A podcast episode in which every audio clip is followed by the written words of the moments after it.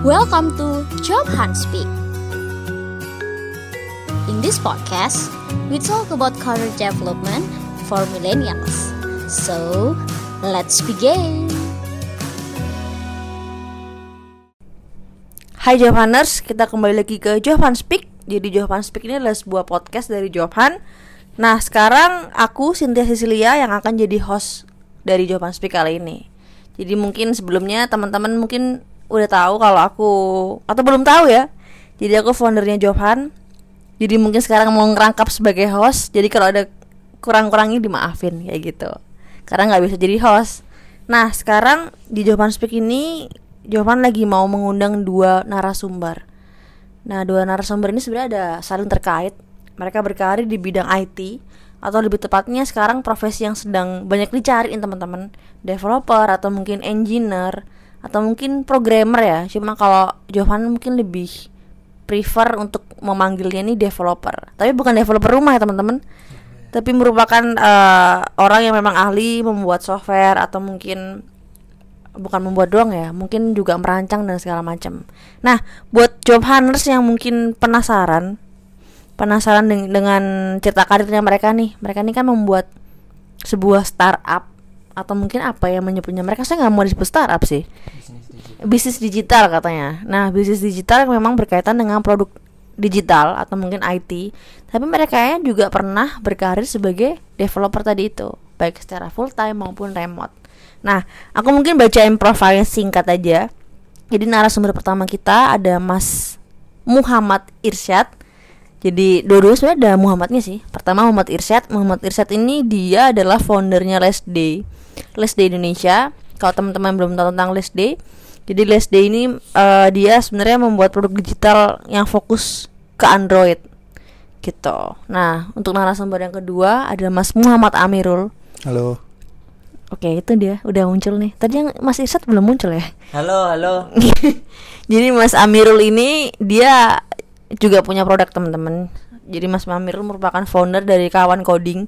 Kalau teman-teman developer mungkin sering dengar kawan coding. Nah, ini nih foundernya sekarang kita hadirkan di Jawaban Speak gitu. Nah, mungkin tadi udah karena udah ngetes ya. Halo-halo ya. Yuk. Mas Amirul halo. Halo, halo. Mas Irsyad. Halo. Oke, langsung aja nih ke pertanyaan pertama. Jadi, Mas-mas nih sekarang lagi sibuk apa aja nih? Mungkin bisa sharing-sharing sama Johan. Oke, kalau sekarang lagi sibuk nge-podcast nih. Nge-podcast ya? ya oh, kan sekarang ya, saat ini juga gitu. Maksudnya aktivitas sehari-hari apakah masih sehari ngoding atau mungkin sekarang fokus bisnis karena kan juga udah punya bisnis juga kan soalnya. Untuk gitu. ngodingnya udah berkurang banget sih kalau aku. Jadi untuk ngoding paling untuk materi-materi di kursnya ya. Karena kawan coding itu kan uh, bisnisnya itu bikin uh, video tutorial ya. Jadi kayak ya nyiapin materinya sih lebih ke kalau ngoding itu cuma buat nyiapin materinya selebihnya bikin kontennya, bikin tutorialnya, bikin videonya, sama editing editing aja sih, sama promosi yang pasti sih. Kalau nggak ada promosi nggak dapet apa, cuan ya? Nggak dapet cuan ya, cuannya nggak nggak uh, ada yang masuk nanti kalau nggak dipromosiin. Oke, jadi bisa aku bilang Mas Amirul ini sebenarnya sudah masuk ke tahap senior developer ya, di mana sebenarnya udah berkurang ngodingnya. Seniornya senior. senior senior ya. Jadi lebih ke buat produk atau mungkin kalau misalnya di startup mungkin sekarang kalau misalnya kerja di kantor ya atau di startup mungkin lebih ke project manager gitu nggak sih istilahnya ibaratnya ya udah tidak terlalu banyak coding uh. jadi oh. teman-teman yang mungkin pengen berkarir dari junior junior tuh pasti banyak codingnya gitu iya. nanti kalau udah senior udah mulai berpikir bikin produk sendiri terakhir sih emang di pas di perusahaan itu kan emang udah bukan yang bagian ngoding kan waktu terakhir pas mau resign itu jadi role-nya dulu itu developer manager jadi lebih ke manage uh, teman-teman developer dan itu aku urusannya ya sama orang-orang doang. Jadi udah nggak nggak banyak tentang coding jadi lebih uh, nerima brief dari project manager terus aku nyampein uh, ke developer sama bagiin tugasnya sih kayak gitu. Jadi udah masuk ke tahap manajemen ya. Jadi udah manage yes, orangnya benar. sih.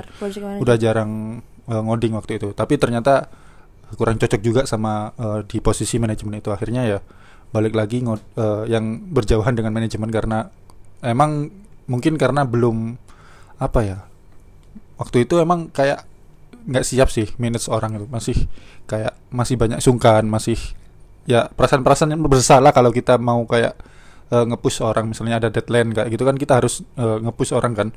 Kalau nggak gitu ya kita yang di-push dari eh, atas gitu. Kayak gitu sih.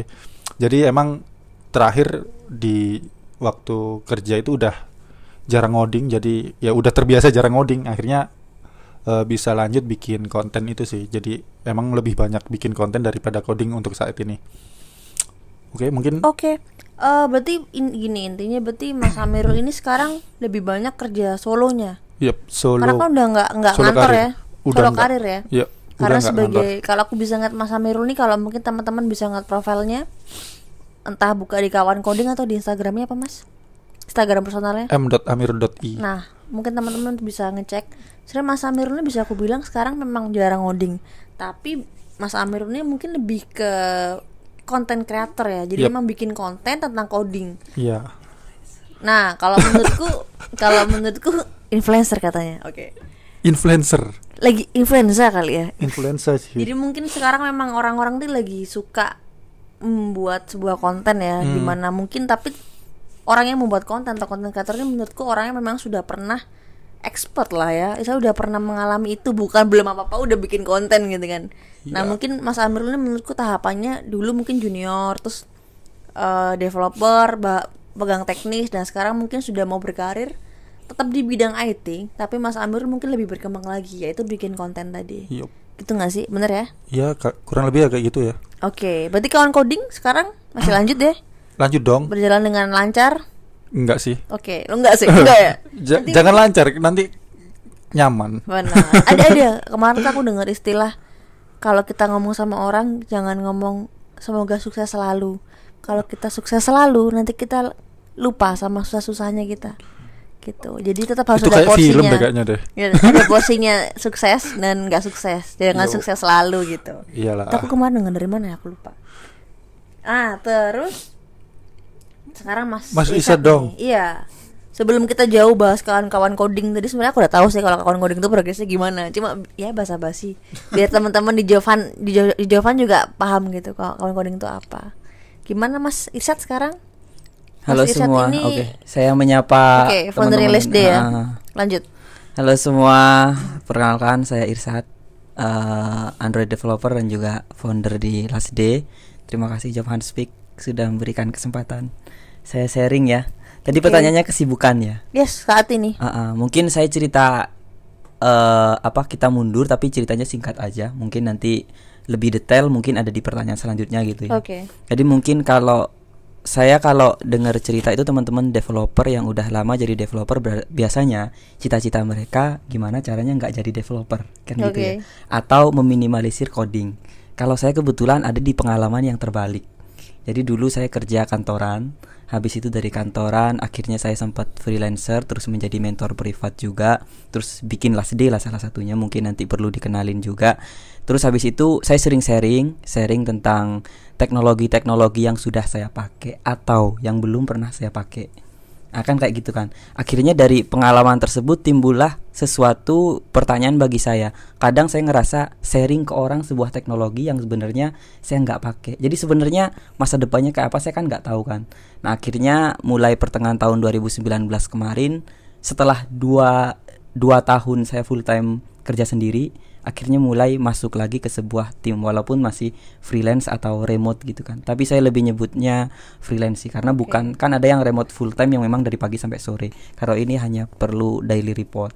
Akhirnya apa tujuan saya masuk lagi ke tim freelancer atau membangun sebuah ikut membangun sebuah menjadi tim membangun sebuah startup agar bacaan-bacaan atau referensi yang saya pernah pelajari sebelumnya gimana sih implement di real projectnya kayak apa kayak gitu. Karena yang di last day yang kayak commons gitu ya. Karena kan kadang saya dibantuin adik juga kayak seperti jadi customer service itu sudah ada yang bantuin dan itu sudah template banget. Karena kan dua tahun insya Allah cukup lah kalau buat ngajarin itu ke orang kayak gitu aja sih. Oke. Nah, tadi lupa nih aku nanyain. Jadi mungkin Mas Amirul sama Mas Irsat bisa jelasin nih ke Johannes apa sih kawan coding itu sama apa sih Les Day itu? Tadi kan nggak mau disebut startup, tapi juga bukan community dong gitu. Nah, kira-kira apa sih kawan coding sama Les Day ini? kawan coding kalau eh, buat aku sih kayak topeng sih Oke, topeng. jadi aku nggak pengen di apa ya ya intinya itu yang menutupi eh, seorang Amirul sebagai eh, apa ya mentor jadi kayak untuk penyaluran aja sih kayak branding aja jadi aku nggak mau dikenal sebagai Amirul langsung tapi eh, aku pengen punya alias untuk eh, aku yang jadi eh, mentor eh, di tutorial tutorial itu sih. Sebenarnya awalnya kayak gitu. Tapi lama kelamaan akhirnya kayak eh, belajar kayak oh ternyata itu masuk ke branding gitu kan company branding dan lain-lain.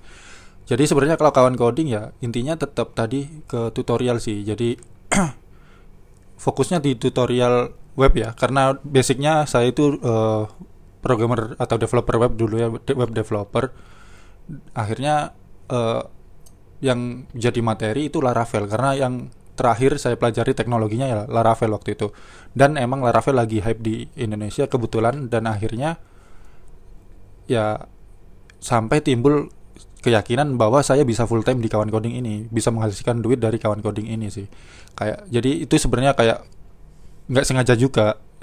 Walaupun sebenarnya ya pengen bikin eh, tutorial dari dulu. Cuma sampai full time di kawan coding itu kayak nggak sengaja gitu kan. Maksudnya prosesnya itu eh, kayak bayangannya dulu itu kayak kawan coding itu bakalan jadi side hustle doang gitu kan. Tapi ternyata akhirnya bisa full time juga.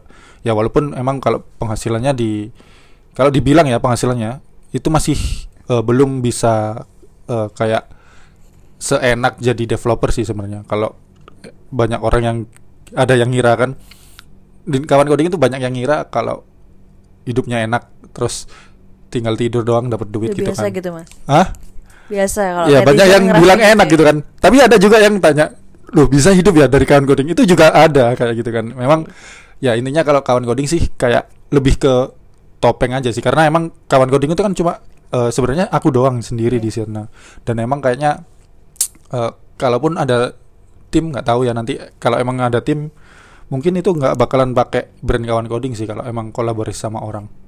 Maksudnya Oke. kalau yang bikin bener-bener itu kayak satu brand baru itu kayaknya emang nggak bakalan pakai kawan coding. Kalau emang kawan coding kayak apa ya? Ya karena itu buat mediaku buat nyalurin apa yang aku pelajarin terus sama eh, apa ya media apa ya? Akhirnya buat kreasi semua sih karena kawan coding akhirnya merambah semua tempat ya. Kayak ka- eh, ke Instagram sekarang juga eh, konten-konten hiburan tentang coding jadi lebih banyak media untuk belajar juga karena basicnya saya itu nggak bisa kayak desain grafis kayak bikin-bikin poster banner itu nggak bisa sama sekali tapi ketika saya ngejalanin kawan coding akhirnya bisa jadi kayak kawan coding itu sebagai topeng dan juga media belajar saya sih kayak gitu sih Oke. Oh, sebentar. Kalau misalnya aku bisa simpulin ya.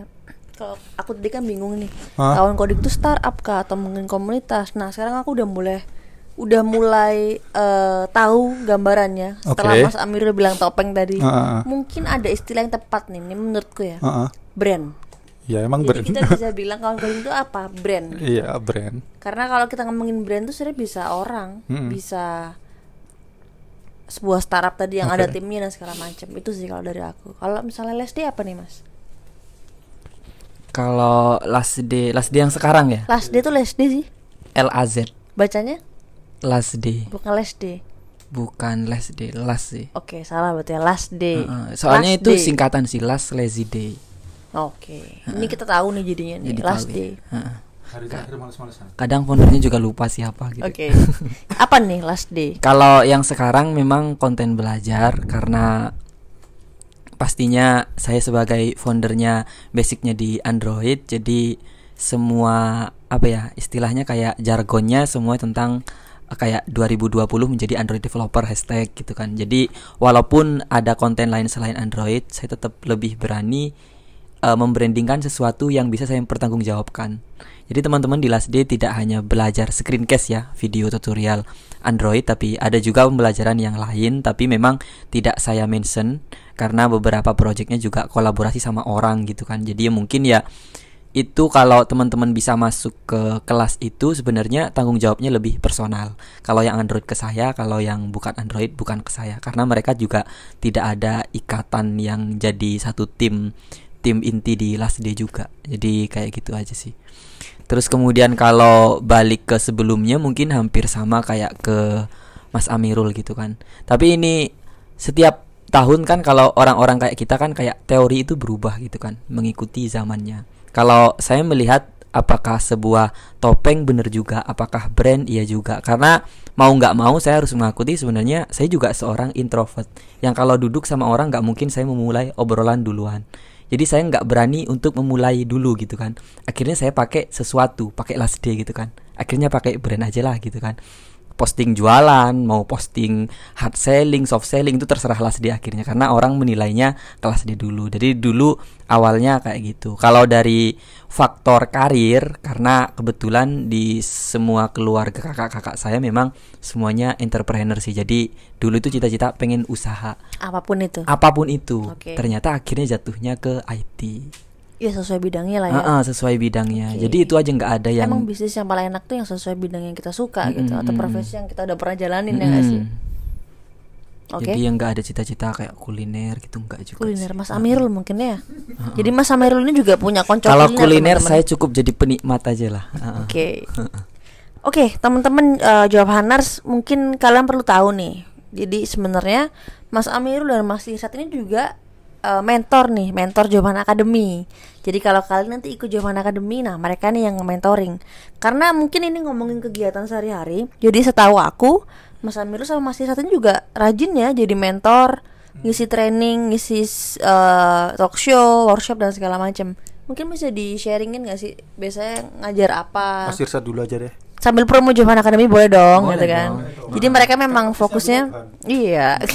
Jadi gimana nih kalau Mas Irsyad masih rajin untuk sharing? Ah, Sharing ilmunya? mm-mm, alhamdulillah masih aktif sharing bahkan eh cerita singkatnya jadi 2000 sepanjang 2018 saya aktif di komunitas. Oke. Jadi ketika saya harus sharing di sebuah tempat, maksudnya itu bukan sesuatu yang surprise gitu kan? Karena memang saya sudah ke mana-mana bikin acara, terus kemudian datang mengisi acara itu nggak luar biasa. Ketika saya kelu bukan keluar sih, maksudnya tidak menjabat tim inti lagi dari komunitas, terus saya ternyata masih mendapat kesempatan itu. Oh ternyata masih ada yang mau pakai saya gitu kan. Sepanjang 2019 kemarin dan kadang saya juga bikin acara sendiri. Sebenarnya bagi saya ya untuk sekarang maksudnya mungkin tahun depan berubah, lagi. Untuk yang sekarang itu sebenarnya waktu saya mengajar itu sudah habis di waktu bikin screencast sama ngoding. Jadi kayak ngajar itu kayak kita setelah bikin 10 kali perjalanan praktek aslinya di lapangan kayak apa sih kan gitu kan. Kalau ngoding di di video kan gitu kan kalau ngoding salah eh, tiga tinggal video lagi. Kalau di depan orang langsung kayak apa sih? Jadi kayak apa ya passion itu kan kayak kita ketemu sesuatu yang menakutkan dan membuat kita nervous. Tapi ketika kita bisa ngeberesin itu kita pengen itu lagi kan gitu kan. Jadi kayak saya jadi mentor atau speaker itu serunya di situ makanya kalau kesempatan itu mentoring jadi balik lagi ke bahas ke bahas acara gitu meng- mengisi acara gitu kan saya nggak ngelihat itu dapatnya berapa. Tapi apakah itu menjadi pengalaman baru buat saya biasanya saya ambil kayak gitu. Jadi untuk kayak di Job Hunt Academy itu teman-teman akan melihat versi apanya ya? Versi dari perjalanan saya yang setelah 10 kali jadi di kumpulan jadi apa sih? Akhirnya itu eh, datang di offline-nya karena saya kan bukan guru pengajar yang datang ke kelas setiap hari gitu ya Nah, jadi pengalaman-pengalaman yang kemarin oh trial errornya udah di rumah nih nah teman-teman tinggal nerima hasilnya apa sih jadi kayak gitu ya jadi bagus banget teman-teman yang mau join di Job Hunt Academy gitu. Oke, kalau Mas Amirul Apa nih? masih aktif ini ya ngisi Aktif banget. talk show atau mungkin workshop atau kayak Mas Amirul Kalau rajin aku- training gak sih? Apa? Ngajar training sering banget kalau Iya, setahu jadi kayak training-training dari apa ya perusahaan-perusahaan atau lembaga lain gitu kan kadang ya jadi mentornya gitu sih. Jadi tapi kalau untuk kayak speaker ya udah jarang sih. 2019 emang kayak ngurang-ngurangin dan alhamdulillah emang nggak ada yang nawarin, sepi yang nawarin baru. lebih ke workshop berarti ya? Iya, lebih ke workshop. lebih seneng workshop karena apa ya? Kalau seminar itu kan banyak ya paling kita cuma sharing-sharing pengalaman aja sih. Iya, benar. Ya walaupun tetap ada manfaatnya. Cuma kalau workshop itu kan emang bener-bener eh, nambahin skill orang yang ikut gitu kan. Jadi emang yang workshop 3 sampai 4 hari atau bahkan yang berbulan-bulan itu pernah juga di tahun 2019. Nah, alhamdulillahnya tahun 2020 ini ada tawaran itu juga dari eh, temannya Mbak Cynthia kebetulan lagi cari pengajar di SMP ya. Terus akhirnya tempatnya di Sidoarjo akhirnya deket nggak jauh-jauh banget dari rumah akhirnya saya ambil jadi kemungkinan 2020 jadi guru SMP Oke. dan itu ngajarin coding juga sih di SMP Tapi ini the power of networking berarti Nah, ya. uh, Ini makanya- salah satunya enggak sih kalau menurutku. tiba-tiba ada gitu kan nggak kayak rezeki tuh nggak apa ya nggak diduga ternyata tiba-tiba ada kayak gitu kan Nah, itu sih salah satu alasanku juga bangun Jovan. oke bagus Kayak sih iya bisa bisa ya. Tapi Konektor kita kita kan? pun sebagai sebagai uh, job seeker juga nggak mungkin diem-diem aja. Hmm. Pasti kita cari temen, cari networking kayak gitu nggak sih Mas Uh-uh. Amir? dan branding sih sebenarnya Yes, kalau kita udah brandingnya udah bagus kan kadang bukan kita yang nyari kerjaan tapi kerjaan yang datang biasanya sih biasanya Benar. tapi kadang-kadang ya kita tetap cari kerjaan lah nggak mungkin lah kerjaan yang datang terus. amat Uh-uh, gitu lah ya. iya tetap Ya udah laku banget gitu. Eh, apa itu over lakunya ya terlalu laku gitu kan. Kalau untuk speaker eh emang udah berkurang cuma di tahun 2020 ini kayaknya pengen jadi lebih banyak kayak gitu sih. Tapi kayak lebih pengennya sharingnya itu tentang eh, konten. Jadi bukan yang tentang coding karena untuk ilmu coding udah lama nggak begitu update ya. Lebih seneng berbagi tentang pembuatan konten karena beberapa kali ada orang yang tanya tentang podcast, tentang cara pembuatan podcast, screencast dan lain-lain itu sering juga ditanyain. Bahkan mungkin rencana di 2020 kawan coding mau bikin kayak eh, video tentang bagaimana sih proses pembuatan podcast, terus pembuatan screencast dan gimana sih proses editing dan lain-lainnya kayak gitu sih. Jadi kalau kawan coding emang lebih eksis di online sih. Jadi offline-nya jarang gitu. Mungkin itu aja sih. Oke, mungkin eh, aku sebenarnya mau tanya nih ya, karena Hmm. kan mungkin bingung juga gitu. Jadi selama ini sebenarnya teman-teman yang aku tahu kan kawan coding itu lebih ke Laravel, bener ya? Yup. Kalau misalnya SD lebih ke Android. Nah, apakah kalian dalam waktu 2020 ini memang tetap mau fokus ke bahasa itu atau mungkin ya kalau Android apa sih istilahnya? Kalau. Laravel mungkin bahasa framework uh, framework ya. Nah, ataukah mungkin mau ke yang lain nih? Bukan pivot sih sebenarnya nambah ke bisa. Karena kalau kita ngomongin brandnya kawan coding atau Lesti itu tidak tidak spesifik ke Laravel kalau nggak tidak spesifik ke Android gitu. Apa pun gitu. Gimana nih rencananya di 2020? kalau di Lasdi sendiri kalau kita ngomongin bahasa pemrograman ya dulu dua dua tahun yang lalu itu masih Java pastinya terus tahun kemarin itu ada Kotlin ya kebetulan ada beberapa yang baru rilis Kotlin yang baru itu Kotlin judul. Kan saya bikin udah 9 judul ya. 9 judul kayaknya ada tiga itu sudah Kotlin. Terus kemudian ada yang baru lagi habis ini Flutter kan ya. Habis ini Flutter teknologinya Google juga yang itu kan sudah disupport dari Android. Kotlin juga official Android Java juga official di Android dan Flutter juga sudah official dari Google maksudnya yang bikin Android. Jadi ya sebenarnya kalau mengikuti teknologi kalau di kita mungkin sebagai konten kreator lebih mengikuti kepermintaan sih bukan mengikuti teknologi ya. Karena teknologi karena saya juga kebetulan di tim sebuah startup ya teknologi-teknologi yang kebetulan lagi high kebetulan itu mungkin lagi sedang viral juga itu nggak semua langsung dipakai juga sih. Eh, jadi mengikuti zaman. Kan kalau kita berada di konten edukasi itu sebenarnya kunci kita itu yang harus kita ingat setiap tahun ada orang yang baru masuk sekolah ada orang yang baru masuk kuliah.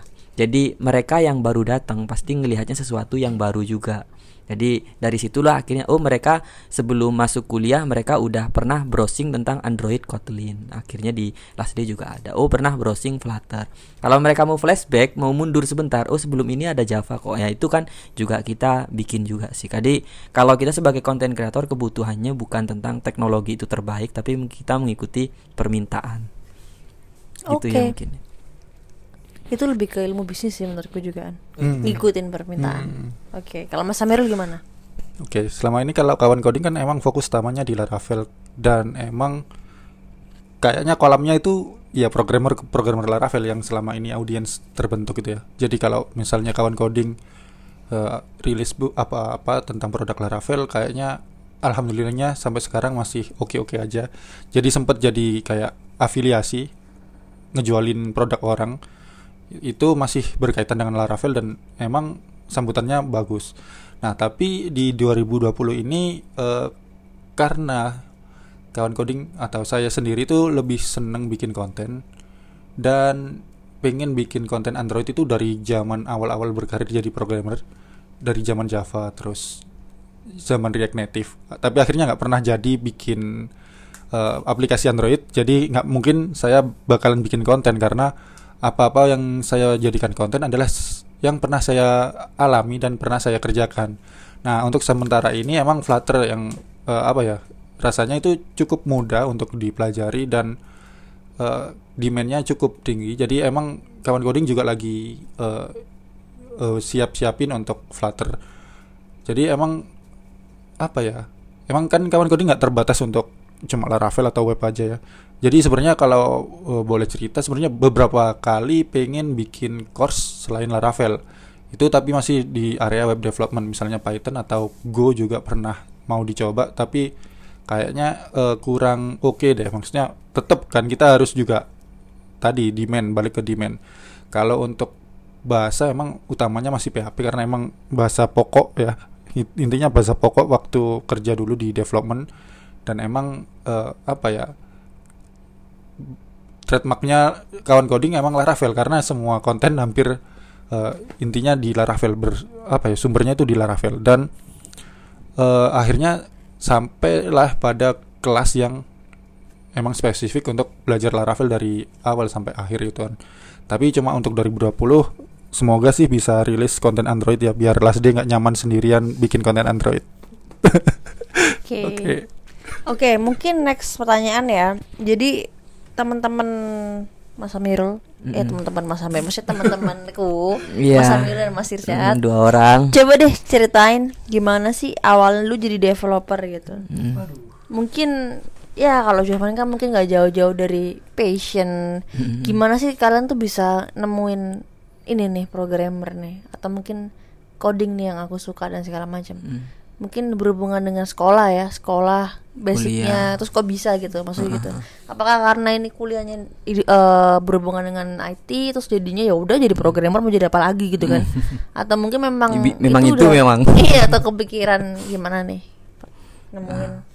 ininya cerita awalnya jadi developer.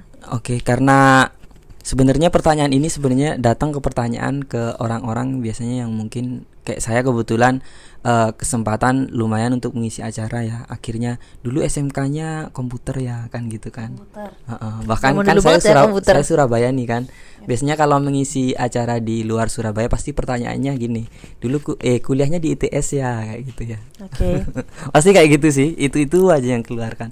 Jadi dulu saya SMA habis SMA itu kerja dulu dua tahun kayak udah nggak mau kuliah sih sebenarnya Okay. Seandainya pekerjaan itu membuat saya nyaman. Uh, nyaman buat saya itu uh, jadi saya terus terang aja nyaman buat saya kalau gaji saya sudah bisa di atas UMR. Ternyata dua tahun itu belum bisa. Akhirnya didukung oleh saudara untuk kuliah. Akhirnya ketika ditanya mau jurusan apa gitu, jurusan apa aja nanti saya serius gitu kan. Serius untuk mendapatkan gaji di atas UMR. Okay. Ah, ya gitu aja sih. Jadi singkat banget gitu kan, nggak yang harus oh harus ini nih apa karir di apa di era 4.0 atau apa gitu nggak juga nggak ngerti kan. Terus habis itu kebetulan ketemunya sama IT di IT yang membuat saya menarik sebenarnya adalah startup. Kenapa startup? Balik lagi ke jawaban saya yang tadi karena basic kakak-kakak saya saudara saya memang semuanya kebetulan usaha. Apa yang bisa dibikin usaha dari IT waktu itu yang paling bagus memang startup. Akhirnya yang saya jalani waktu itu sempat bikin kayak ya maba bikin startup gitulah mahasiswa-mahasiswa bikin startup gitu kan dan waktu itu lucunya saya memposisikan diri sebagai business development oke okay. tapi sambil ngoding sambil ngoding. Uh -uh, tapi sambil ngoding. Tapi saya manager kali ya cocoknya. Uh -uh, jadi saya itu apa yang memposisikan diri yang dominan sebagai business development. Walaupun singkat cerita ya, saya merasa seharusnya dulu saya tidak di sana gitu kan. Jadi kalau itu bisa diulang kembali, mending saya fokus di ngoding aja.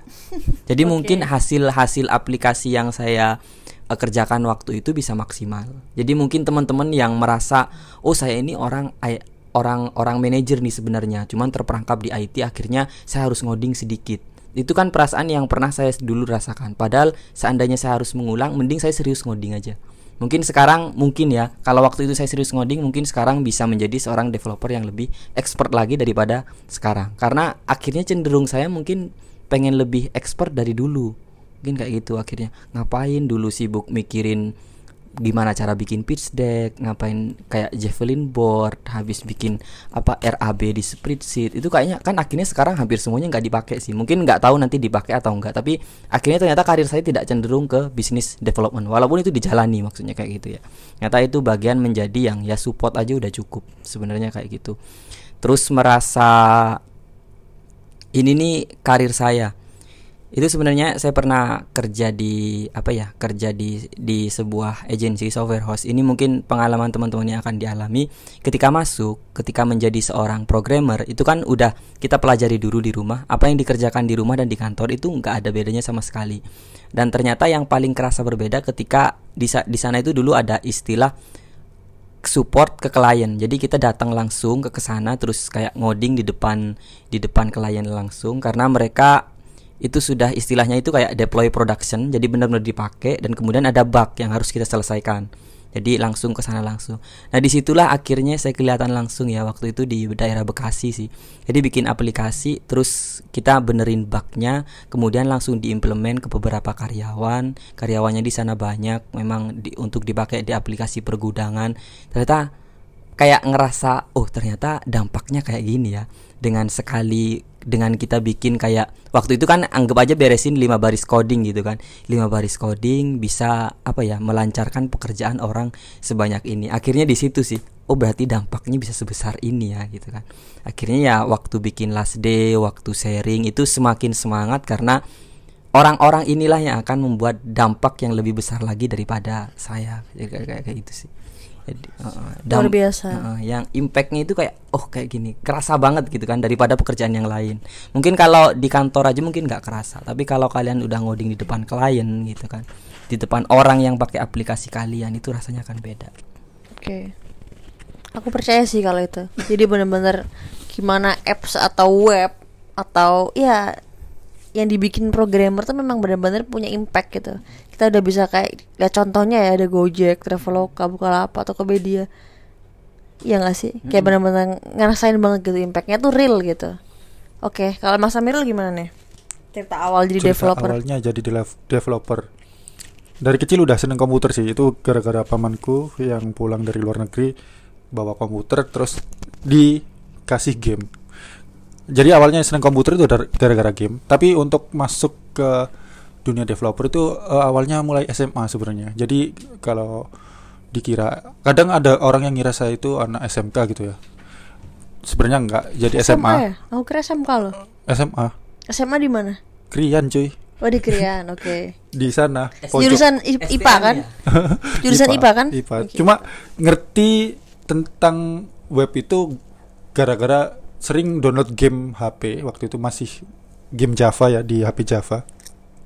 Itu websitenya webtrick.com di bawah di link paling bawah itu ada link untuk create your own website. Nah itu saya klik oh ternyata bisa bikin uh, sebuah website gitu kan. Waktu itu cuma hitam putih karena nggak ada untuk template HTML-nya jadi waktu itu kayak generator cuma halaman-halaman biasa gitu. Jadi cuma HTML tagnya itu kan. Terus ada yang akhirnya ada lagi browsing cari game. Ternyata ada website dengan subdomain ini. Akhirnya saya coba buka subdomainnya. Eh ternyata kita bisa bikin website juga di sana. Dan itu pakai HTML jadi udah bisa warna-warni gitu ya untuk backgroundnya untuk bisa dikasih CSS lah intinya. Nah kemudian masuk ke forum-forum. Sebenarnya saya juga dulu itu kayak apa ya masuk di dunia hitam. Suka nyolong internet ya dulu. Jadi dulu itu ada forum Gretongers kalau uh, teman-teman mungkin banyak yang tahu kalau angkatan saya waktu dulu itu kayak nyuri internet. Jadi beberapa provider itu ada bug di internetnya terus kita itu ada forum berbagi untuk internet gratisan. Jadi kita sama sekali pakai internet nggak bayar dan itu dapat full speed kayak gitu. Dan di situ ternyata ada forum untuk bikin website. Nah di situ ada kayak dulu itu CMS-nya itu dari Rusia itu bikin sosial media atau forum. Jadi pertama kali install PHP itu dari sana terus uh, hostingnya pakai hosting gratis 00 web host sama apa gitu dulu ya lupa dan di situ saya pernah ngedit script PHP itu lewat web FTP. Jadi FTP-nya itu dibuka di HP, terus ngeditnya di HP, disimpan dan waktu itu koneksi internet masih buruk banget. Udah ngedit banyak banget, pas disimpan ternyata gagal. Nah, di situ akhirnya kok gini ya maksudnya aneh gitu kan. Akhirnya semakin eh, berjalannya waktu akhirnya pas kelas 3 itu udah agak ngerti tentang kuliah ya. Akhirnya oh iya berarti kalau aku seneng ini harusnya aku ke informatika gitu akhirnya. Dan waktu maksud eh, masuk pertama kali di kampus informatika harapanku kan langsung diajarin bikin website. Ternyata enggak.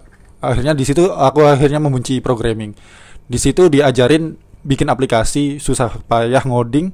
Eh di run cuma hitam putih kan. Itu waktu itu pakai C++ kalau nggak salah ya. Jadi itu akhirnya aku kayak nggak minat sama informatika kayaknya aku salah jurusan deh gitu. Kayak gitu. Sampai akhirnya di semester 3 atau berapa itu ya? Empat gitu ya.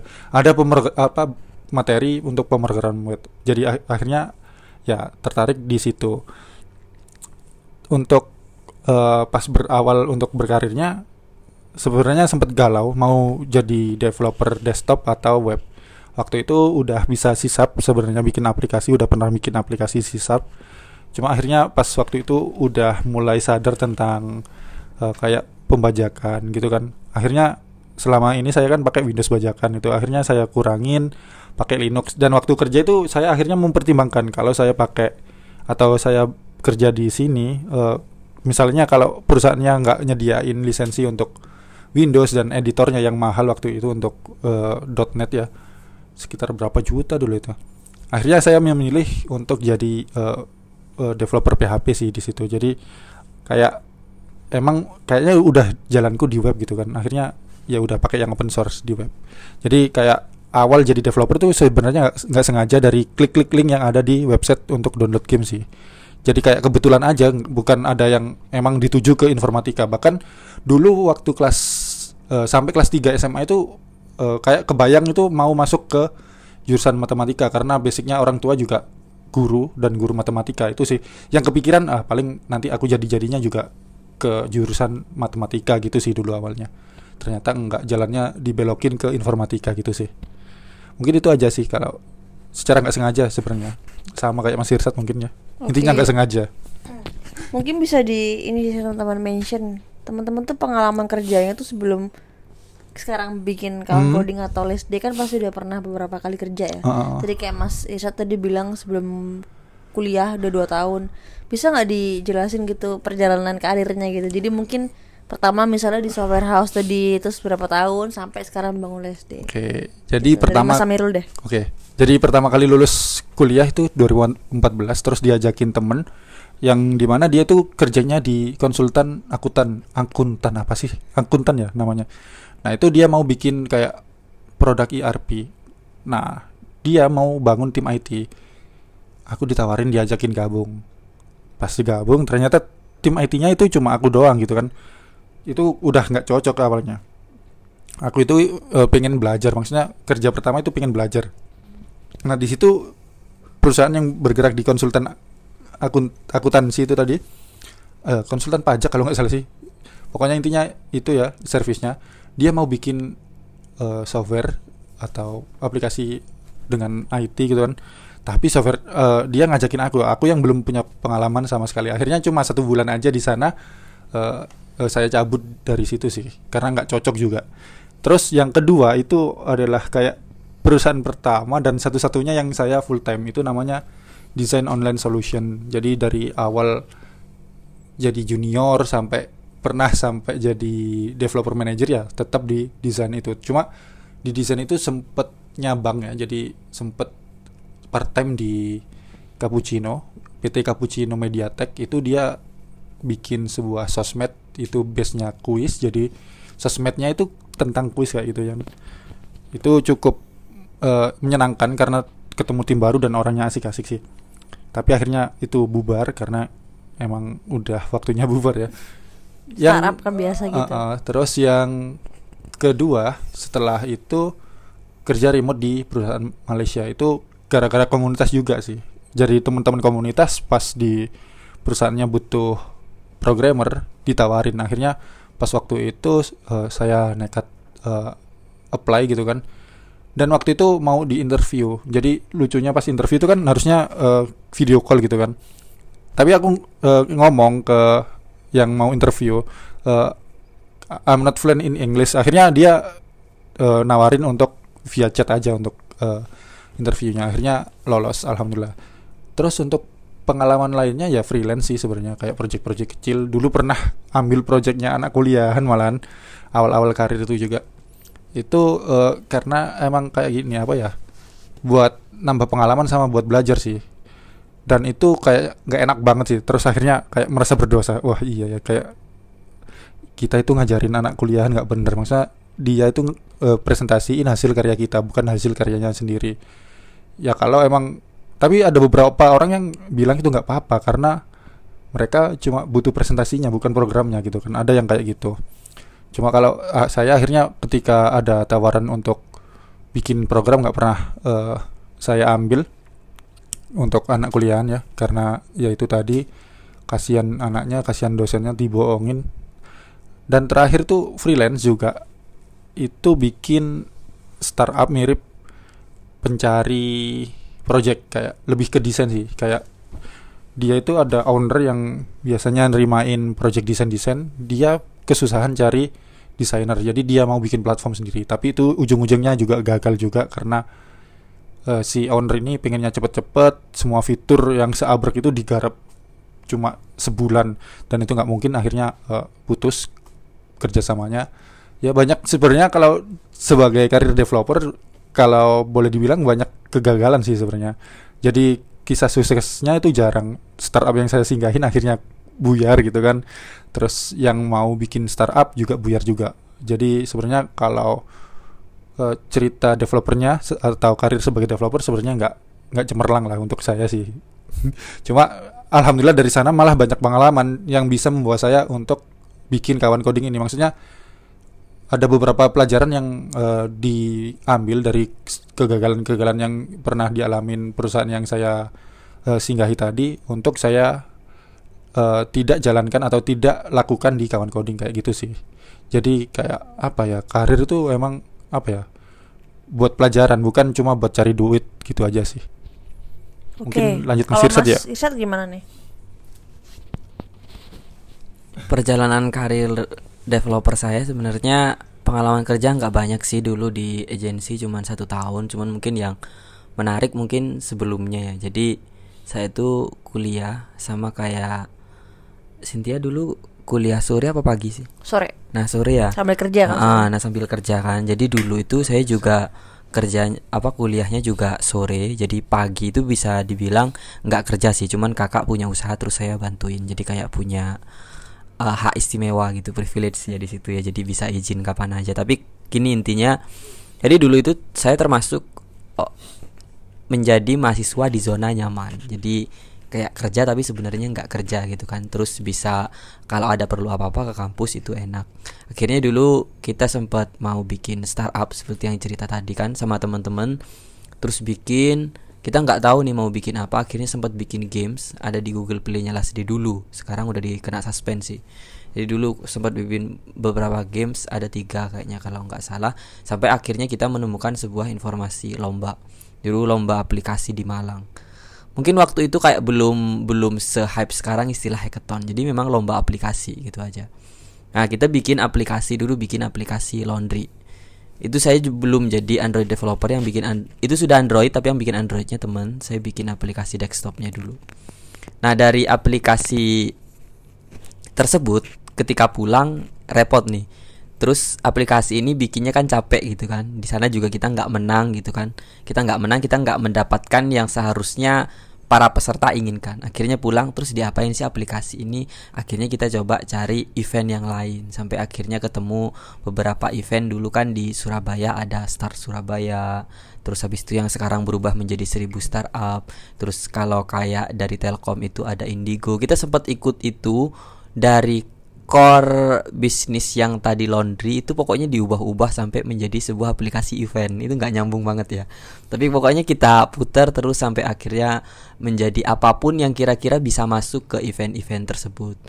Tapi akhirnya ya memang dari sanalah kita sepakat satu tim dulu kita ada tiga empat orang ya. Empat orang kayak sih ada empat orang terus kita sepakat kayaknya kita harus kerja dulu deh. Sampai akhirnya kita berada di titik itu gitu kan. Karena kita nggak tahu bikin aplikasi yang bener itu kayak gimana jalan usaha yang benernya kayak gimana apalagi memanajemen tim itu yang bener kayak gimana. Kita nggak punya contoh yang kita praktekin langsung. Akhirnya di dua- dua- 2016 akhir kita kerja. Itu kayaknya habis liburan semester 5 sih kalau nggak salah dan yang saya rasakan ketika akhirnya kerja, saya menyesal. Kenapa nggak dari dulu aja? Seharusnya kan kita kerja dulu aja, habis itu pengalaman dari situ tinggal kita akhirnya apa ya? Kalau kita langsung build startup belum punya pengalaman, istilah gampangnya mungkin PR kita masih terlalu banyak. Jadi kayak ini nggak bisa, ini nggak bisa kan gitu kan. Minimal kalau pernah kerja di kantor itu kita udah ngelihat nih. Jadi PR PR-nya nggak banyak. Ya pasti ada PR tetap tapi nggak banyak. Jadi yang saya rasain cukup menyesal waktu itu kenapa nggak dari dulu gitu kan. Akhirnya kemudian setelah kerja di startup tadi kita kerja di startup kerja di agensi tadi karena udah biasa apa ya biasanya kayak ini umum sih biasanya. Biasanya mental mental folder mental mental founder itu kan kayak kita biasa lembur gitu kan. Jadi saya kerja tapi weekend sama malam biasanya saya kayak jadi mentor privat waktu itu. Keterusan akhirnya jadi lalas deh sampai sekarang. Nah, kayak gitu. Singkat singkat ya, Oke, berarti sempat kerja juga ya. sempat ya? kerja juga dan itu sebisa mungkin kalau bisa teman-teman se apa ya secepat mungkin sih kalau pertanyaannya saya nggak punya portofolio bahkan nggak punya portofolio pun mending kamu apply dulu biar tahu biar kamu tahu tesnya apa sih kan kayak gitu kan Iya, ada juga sih temen aku yang pernah cerita kayak. Aku nggak diterima nggak apa-apa, tapi aku pengen tahu tesnya. Mm-mm. Kalau programmer emang gitu banget ya. Mm-mm. Jadi kayak penting banget buat dia tuh pengen tahu tes di Iya. unicorn tuh gimana, startup Heeh, unicorn yang dipakai macam. teknologi apa pasti Benar. pengen tahu banget Nah, itu perlu sih Oke, itu salah satu cara sih sebenarnya ya. Selain kita apply magang, apply early gitu Oke. ya Jadi biar tahu tesnya gitu, Mm-mm. biar kita tahu sejauh mana yang emang lagi dicari sekarang gitu kan. Tapi mungkin kalau nggak punya pengalaman tuh sebenarnya solusinya ya magang sih. Kalau magang kan tidak tuntut untuk punya pengalaman gitu nggak sih. Ini kan jawabannya. Jadi mungkin teman-teman bisa sambil sharing yang memang seputar karir gitu. Oke. Nah, terus pertanyaan selanjutnya nih apa sih tantangan jadi seorang developer? Nah, terus solusinya tuh apa gitu? Misalnya nih kalau kita lagi orang kalau misalnya nggak cuma programmer ya, misalnya kita lagi stuck gitu, apalagi ngoding nih, itu gimana solusinya? Jadi tadi pertanyaannya tantangannya apa? Kalau ada solusinya apa? Nah, terus aku mau bahas juga masalah stuck dalam kita ngoding itu, itu solusinya gimana? tantangan jadi dev- developer ya paling eh, kadang itu pas dapet tas atau kerjaan yang di mana kita belum pernah ngerjain sebelumnya misalnya kayak bikin sesuatu yang apa ya kayak belum pernah benar-benar belum pernah kita pakai terus diminta karena di project ini butuh kayak gitu. Jadi itu kadang tantangannya kita harus belajar sebuah teknologi baru misalnya untuk eh, kayak misalnya bikin laporan yang segede ini datanya misalnya berapa juta data gitu kan. Itu kan bukan kayak yang biasa kita jalanin. Misalnya biasa-biasa kan cuma berapa ratus eh, data atau berapa ribu data gitu nah pas dapat klien yang eh, datanya udah gede banget kayak gitu akhirnya kadang kayak banyak yang harus menyesuaikan data dari eh, si klien dan juga bagaimana kita mengolah data sebanyak itu supaya eh, aplikasi kita itu nggak berat untuk mengolah data sebanyak itu sih kayak gitu. Kalau untuk stucknya itu eh, ya sering kalau jadi programmer sering stuck sih. Kadang bahkan yang udah jelas tertera di solusinya di misalnya Stack Overflow udah dapat solusi. Kadang itu kita implement itu nggak jalan, nggak sesuai yang eh, kita harapkan. Ketika kita udah copy dan paste ke coding kita yang dari Stack Overflow itu jalan itu nggak ternyata eh, nggak jalan seperti itu. Terus akhirnya kita itu kadang sampai eh, pusing banget ya mikir kayak gitu kok nggak jalan sih gitu kan. Udah dioprek berapa jam. Tapi kalau saya sih ini solusi ya kalau misalnya stack atau stuck gitu ya itu kalau saya mending eh, tinggalin laptop jauh-jauh dari laptop terus nyantai. Atau kadang bahkan saya kebayang atau nemu kayak solusi itu pas jalan-jalan. Waktu eh, berkendara motor ya sambil ngelamun gitu malah kepikiran. Atau pas malah pas rebahan tidur tiduran kepikiran. Eh oh iya kenapa nggak pakai gini ya cara gini? Jadi kayak kadang kita tuh nggak bisa mikir ketika kondisi kita itu tegang. Nah ketika santai tiba-tiba kita bisa mikir dengan tenang gitu kan. Jadi kalau eh, aku lebih saran ketika stuck itu tinggalin dulu kerjaan yang eh, bikin stuck tadi eh, ambil waktu santai buat duduk-duduk minum kopi atau teh terus atau bahkan rebahan gitu sih. Maksudnya ketika santai otak kita itu bakal bisa lebih jalan lebih bisa mikir lebih normal gitu sih kalau menurutku sih. Sambil dengerin podcast ya. iya dulu belum nge-hype sih podcast. Jadi paling dulu Dengerin eh, musik, iya YouTube gitulah. Nonton film Heeh. gitu ya. kalau aku sih kayak gitu ditinggal santai dulu. Nanti biasanya eh, dapat eh, apa ya solusinya biasanya eh, keluar-keluar sendiri sih. Tapi nggak tahu buat yang lain. Mungkin Mas Yursat punya tips sendiri kalau ngadepin masalah. Eh, ini kan tantangan jadi developer ya? Yes, apa ya? pertama tantangan, terus kalau misalnya ada tantangannya solusinya apa gitu. Oh gitu. Terus baru ngomongin gimana tipsnya mengatasi stuck. Mm-mm. Jadi tantangan bagi developer mungkin eh saya coba garis bawahi apa yang saya pernah lihat gitu kan mungkin nggak semua teman-teman lihat jadi ya banyak sebagian besar karena dulu saya satu kelas di kampus itu sekitar 40 orang mungkin yang jadi eh developer akhirnya nggak lebih dari lima gitu ya. Jadi kan nggak sebanyak itu. Kenapa sih? Karena kita jadi programmer itu bukan orang yang cuman ngetik di depan komputer tapi kita mikir. Dan kalau kita itu sudah menjadi sebuah pekerjaan maka setiap hari kita harus berpikir.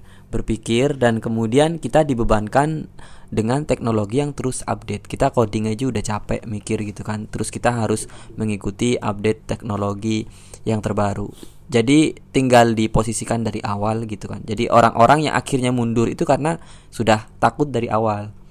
Padahal kalau mereka jalani ya memang benar seseram itu sih memang. Heeh, jadi ya saya nggak akan bilang bahwa jadi developer itu enak kok. Maksudnya dari awal kan kalian ngelihatnya horor, ketika masuk sama horor. Tapi kalau kita balik lagi, mana ada sih pekerjaan yang bener-bener enak gitu kan nggak ada kan. Jadi mungkin hanya kalian perlu usaha yang lebih dari pekerjaan yang lain di programmer. Akhirnya yang bisa saya semangati ke teman-teman yang mungkin masih magang kan gitu saya masih ada kenalan ya teman-teman yang masih baru jadi developer gitu kan. Saya bilang ke dia realistis aja. Kamu harus cari hiburan sebanyak-banyaknya gitu kan? Jadi ketika kamu coding habiskan semua waktumu untuk fokus sama coding kamu. Ketika pulang kamu harus enjoy. Kamu bisa langganan Netflix kamu bisa dengerin podcast minggu kamu olahraga weekend kamu habiskan dengan keluarga. Karena tantangannya memang berat sih. Tantangannya bukan seperti kita kayak kerja apa ya, ya bukan merendahkan pekerjaan lain. Misalkan kayak driver gitu kan nggak perlu skill yang harus diperbarui.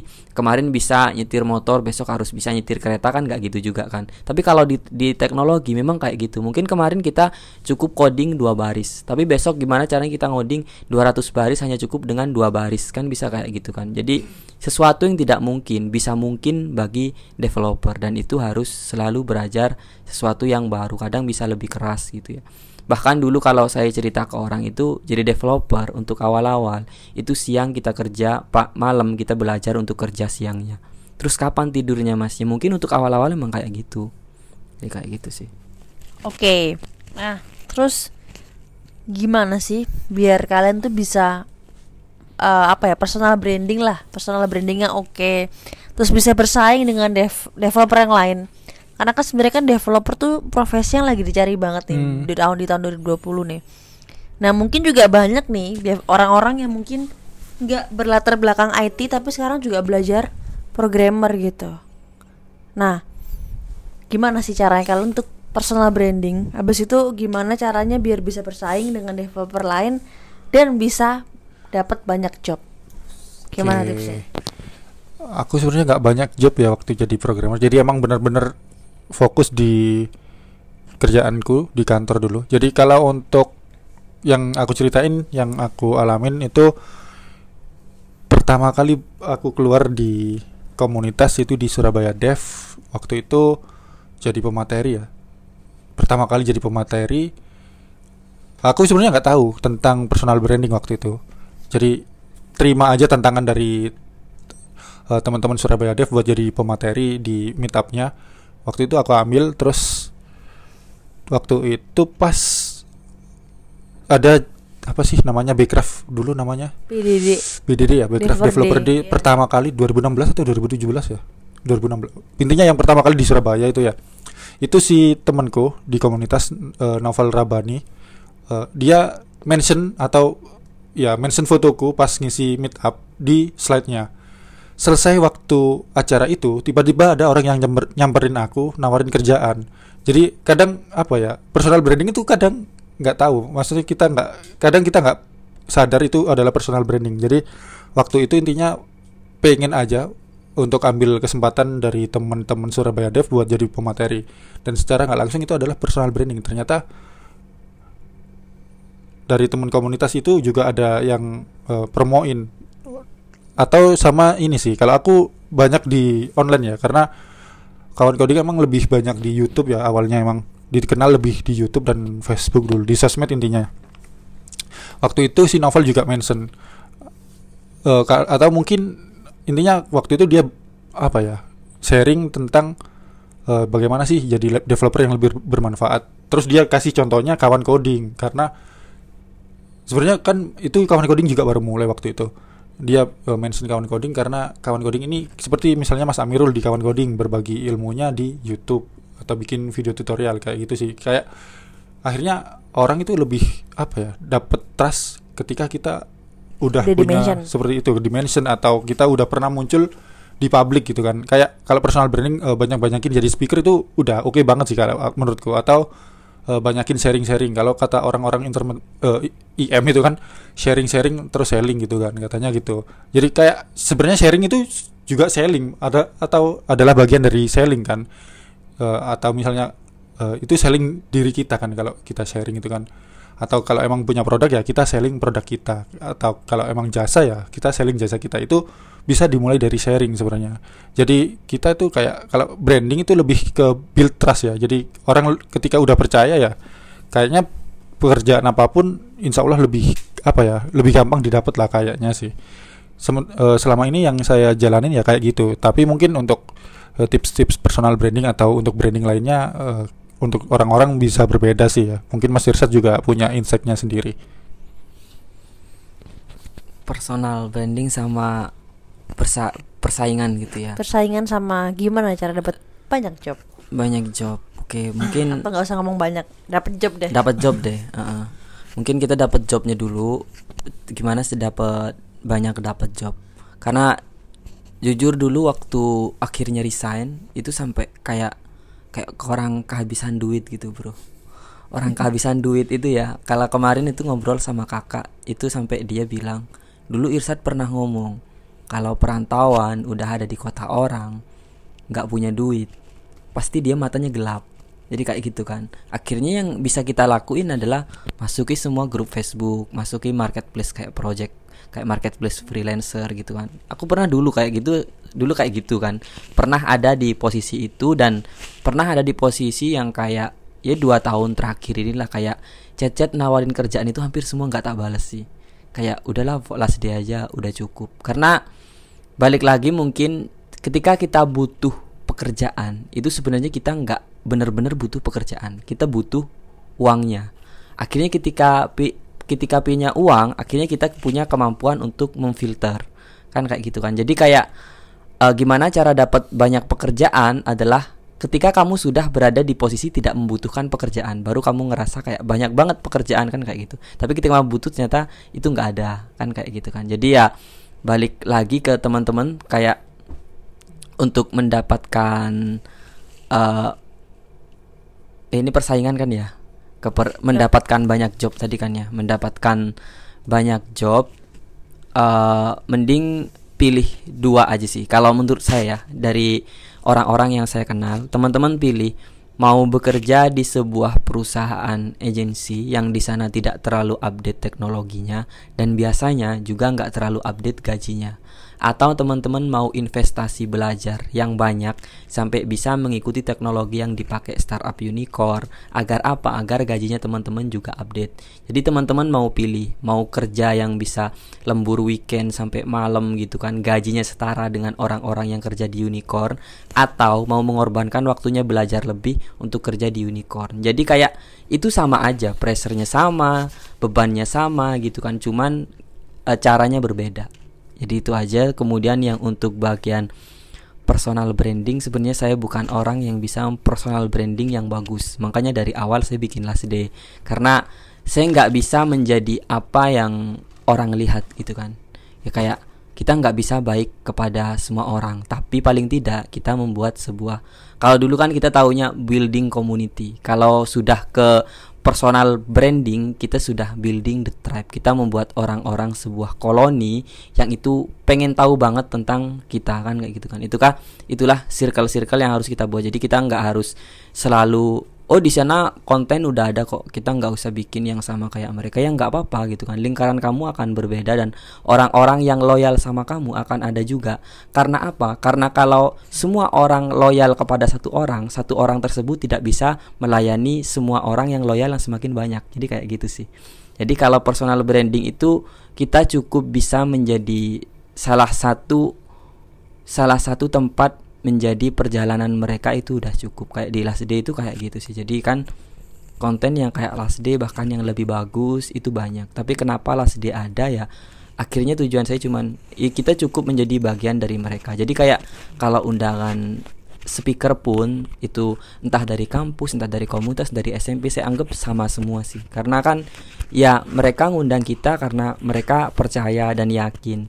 Itu berada di lingkaran tribe kita. Jadi aku lihatnya kayak gitu. Jadi ya sebaiknya kita ambil aja kalau memang waktu kita masih ada. Kecuali kita udah punya brand yang besar banget gitu kan ya nggak masalah. Tapi kalau untuk awal-awal semuanya disikat aja semua gitu kan dan kita lakukan uh, sebaik mungkin. Akhirnya dari situ orang-orang akan percaya seperti yang diceritakan Mas Amirul tadi. Pada akhirnya nanti kita akan menjadi dalam tanda kutip jual mahal. Sebenarnya bukan jual mahal, tapi akhirnya kita melakukan filter. Tapi itu nanti aja. Kita cukup personal branding dan sesuatu yang tidak dan yang mungkin yang terakhir tentang personal branding jangan jelaskan sesuatu yang itu tidak kamu jual. Jual itu jual dalam tanda kutip.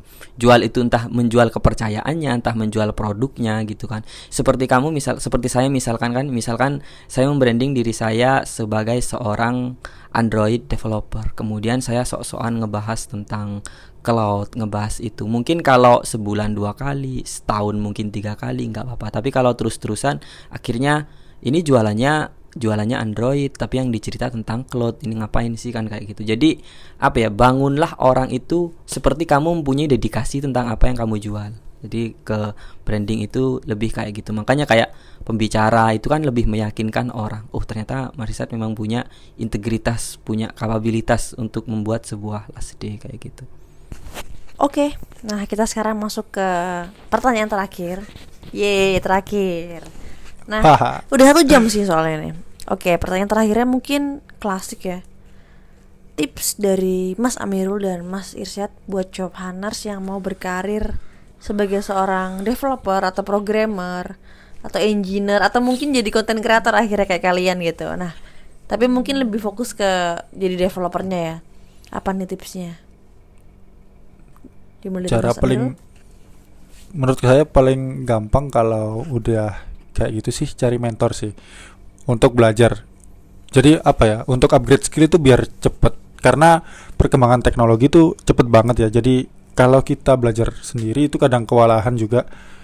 Uh, jadi untuk mentor itu bukan benar-benar yang mentor itu satu orang uh, itu. Tapi bisa uh, gabung ke komunitas misalnya. Nah kadang tapi banyak teman-teman itu malu merasa inferior gitu ya kalau mau gabung komunitas. Aku mau gabung komunitas tapi aku nggak bisa gini-gini padahal tujuannya komunitas itu supaya kamu upgrade skillnya kayak gitu. Kalau emang misalnya malu nih di komunitas ya karena komunitas itu biasanya kan rame untuk meetupnya ya atau pertemuannya atau eventnya itu mesti rame. Kalau kita mau tanya sesuatu yang mungkin kita anggapnya itu uh, yang basic banget itu malu karena dilihat orang banyak ya bisalah gabung ke bootcamp bootcamp misalnya Jabahan Academy gitu sih jadi itu lebih uh, lebih private dan kita punya apa ya apa sih emang punya kewenangan buat tanya terus kita emang berhak buat tanya kayak gitu kan misalnya ya kita nggak malu karena kita emang bayar untuk eh, bertanya atau buat dapetin ilmu itu. Kalau misal di komunitas karena acaranya gratis mungkin sungkan ya tanya gitu kan. Misalnya kayak gitu kan. Mungkin ada orang-orang yang kayak gitu. Jadi dia lebih seneng kalau eh, mungkin eh, lingkungan belajarnya itu lebih kecil dan lebih bebas untuk bertanya dan dia merasa berhak untuk tanya karena sudah bayar kayak gitu. Itu boleh ikut bootcamp bootcamp kayak gitu sih. Jadi intinya kalau memang dari pas di proses belajar itu lebih baik cari mentor sih. Jadi sebelu- sebetulnya saya dulu juga kebetulan di kantor itu eh, nemu mentor-mentor yang keren-keren dan senang berbagi. Akhirnya ya eh, untuk proses transfer ilmunya cepet karena dia mau mentorin eh, hampir tiap hari waktu itu. Jadi kayak gitu aja sih untuk tipsnya sih. Jadi nggak banyak ya. Kalau masalah ngedapetin kerjaan ya intinya apply dulu semua ya di apply. Jadi semakin kita banyak eh, Jemput sebar, bola ya? eh, kita jemput bola. Waktu itu kalau saya sendiri waktu itu pas dari Facebook juga grup Facebook di Swag kalau waktu itu. Jadi itu pertama kali ada yang posting locker, saya apply dan di sana saya tes dan sebenarnya saya lebih yakin waktu tes itu nggak diterima. Ternyata diterima kayak gitu kan. Akhirnya kalau saya bikin eh, bercandaan waktu itu aku loh dulu itu masuk itu karena saringannya jebol kayak gitu kan. Maksudnya aku merasa itu nggak nggak bisa lolos tes itu ternyata lolos. Jadi sebenarnya kalau kayak yang merasa nggak belum siap untuk melamar kerja ya itu sampai kapan kalian nunggu siap? Jadi lebih baik ya udah apply aja dulu biar tahu tesnya atau biar punya pengalaman tes di eh, sebuah agensi atau di startup kayak gitu sih kayak gitu aja sih dari saya mungkin Mas Irsat lebih banyak tipsnya Ini tipsnya mungkin eh, ke ke developer aja ya. Karena kenapa sih Kak walaupun saya seorang walaupun saya bikin konten bukan seorang konten kreator ya. Walaupun saya bikin konten saya lebih ke developer karena mungkin bisa saya balik. Seandainya saya seorang konten tanpa bikin konten developer siapa sih yang mau lihat? Jadi kayak gitu sih. Itu selalu yang membuat saya saya harus eh, seorang yang bersyukur berada di dunia IT terutama di bidang uh, membuat sebuah aplikasi menjadi programmer yang kebetulan saya mempunyai sebuah kesempatan untuk membuat konten. Seandainya saya bikin konten kayak youtuber mungkin nggak akan laku kan kayak gitu kan. Jadi kayak gitu. Jadi untuk teman-teman uh, tipsnya mungkin eh tadi tips-tips untuk menjadi developer benar ya. Benar. Nah, tips untuk menjadi developer teman-teman harus mempunyai lingkaran yang tepat dulu.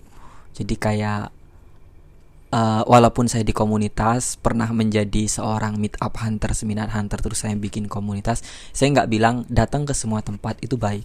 Jadi kalau memang bisa memilih dari awal segera pilih. Oh memang saya pengen jadi Android developer ya udah datang ke acara Android Android dulu sampai menjadi sesuatu yang kalian kira cukup dan segera submit. Karena apa ya kalian itu akan menjadi ternyata banyak hal yang nggak dipakai ternyata ketika kalian bekerja. Atau misalkan teknologinya udah nggak update ternyata di kerjaan udah nggak pakai itu lagi. Atau kita terlalu cepat mengkonsumsi teknologi sampai di kerjaan ternyata belum pakai itu kan gitu kan. Jadi segera apply sebuah pekerjaan. Akhirnya kalian tahu caranya apa ya kalau dulu itu yang paling kerasa saya kerja 2016 itu bahkan belum bikin version control. Jadi pakai flash disk gitu kan. Akhirnya dengan bekerja dengan sekarang bekerja dengan iklim agak startup gitu lebih lebih enak lagi. Kita lebih tahu lagi kayak gitu ya. Jadi ya lebih cepat bekerja itu menurut saya lebih bagus Eh, gimana cara mendapatin kerjaannya itu akhirnya balik lagi. Kalau suka datang ke acara meet up datang. Kalau nggak suka ya mungkin kalian memang cukup di rumah aja nggak apa-apa. Terus atau kalian butuh yang mentoring seperti tadi. Kalau mentoring itu konsepnya kemarin saya baru dapat denger- dengerin sebuah podcast tentang konsep mentoring. Ini keren sih. Tapi mungkin bagi saya mungkin bagi kalian enggak. Kalau kalian ngelihat seorang petarung di luar negeri, mereka pasti punya pelatih kalau pelatihnya bertarung dengan muridnya belum tentu pelatihnya menang. Kan kayak gitu kan ya. Jadi untuk apa dong kita tahu punya seorang mentor atau pelatih gitu kan? Ternyata tujuan seorang pelatih di antara lain adalah merosting. Dia yang bisa melihat blind spot. Sebenarnya kita kelemahannya di mana sih? Sebenarnya passion kamu yang benar di sini nih. Nah kalian dengan datang kayak ke sesuatu yang bersifat offline face to face seperti Jobhan Academy misalkan. Nah, kalian kan hanya tidak sekedar memiliki apa ya sebuah ilmu satu arah tapi kalian juga bisa bercerita. Akhirnya dari situ dari yang mentor dapat mereka bisa mengasih insight dari apa dari pengalamannya karena mereka sudah uh, tahu dulu sebelum kamu. Mungkin pada akhirnya kamu akan lebih hebat dari mereka. Jadi itu salah satunya juga. Oke mungkin itu aja dari saya. Oke, kita nggak kerasa ya udah satu jam lebih 9 menit gitu. Ya nggak satu setengah jam lah ya. Oke, nah mungkin itu aja sih teman-teman Johannes. Oke, nanti mungkin di postingan podcast ini akan di mention juga IG-nya Mas Amirul, IG-nya Mas Irsyad dan IG-nya Leslie dan kawan coding ya. Nanti teman-teman kalau mungkin masih ngerasa belum puas dan mau tanya detail lagi tentang berkarir sebagai developer teman-teman bisa komen tuh di kolom fitnya jawaban gitu. Nah udah saya mau nutup podcastnya ini. Buat teman-teman juga yang mungkin punya ide podcast untuk jawaban speak selanjutnya teman-teman bisa DM jawaban atau mungkin uh, kirim email juga bisa atau mungkin chat di WA jawaban juga bisa. Itu aja akhir kata dari saya. Pamit. See you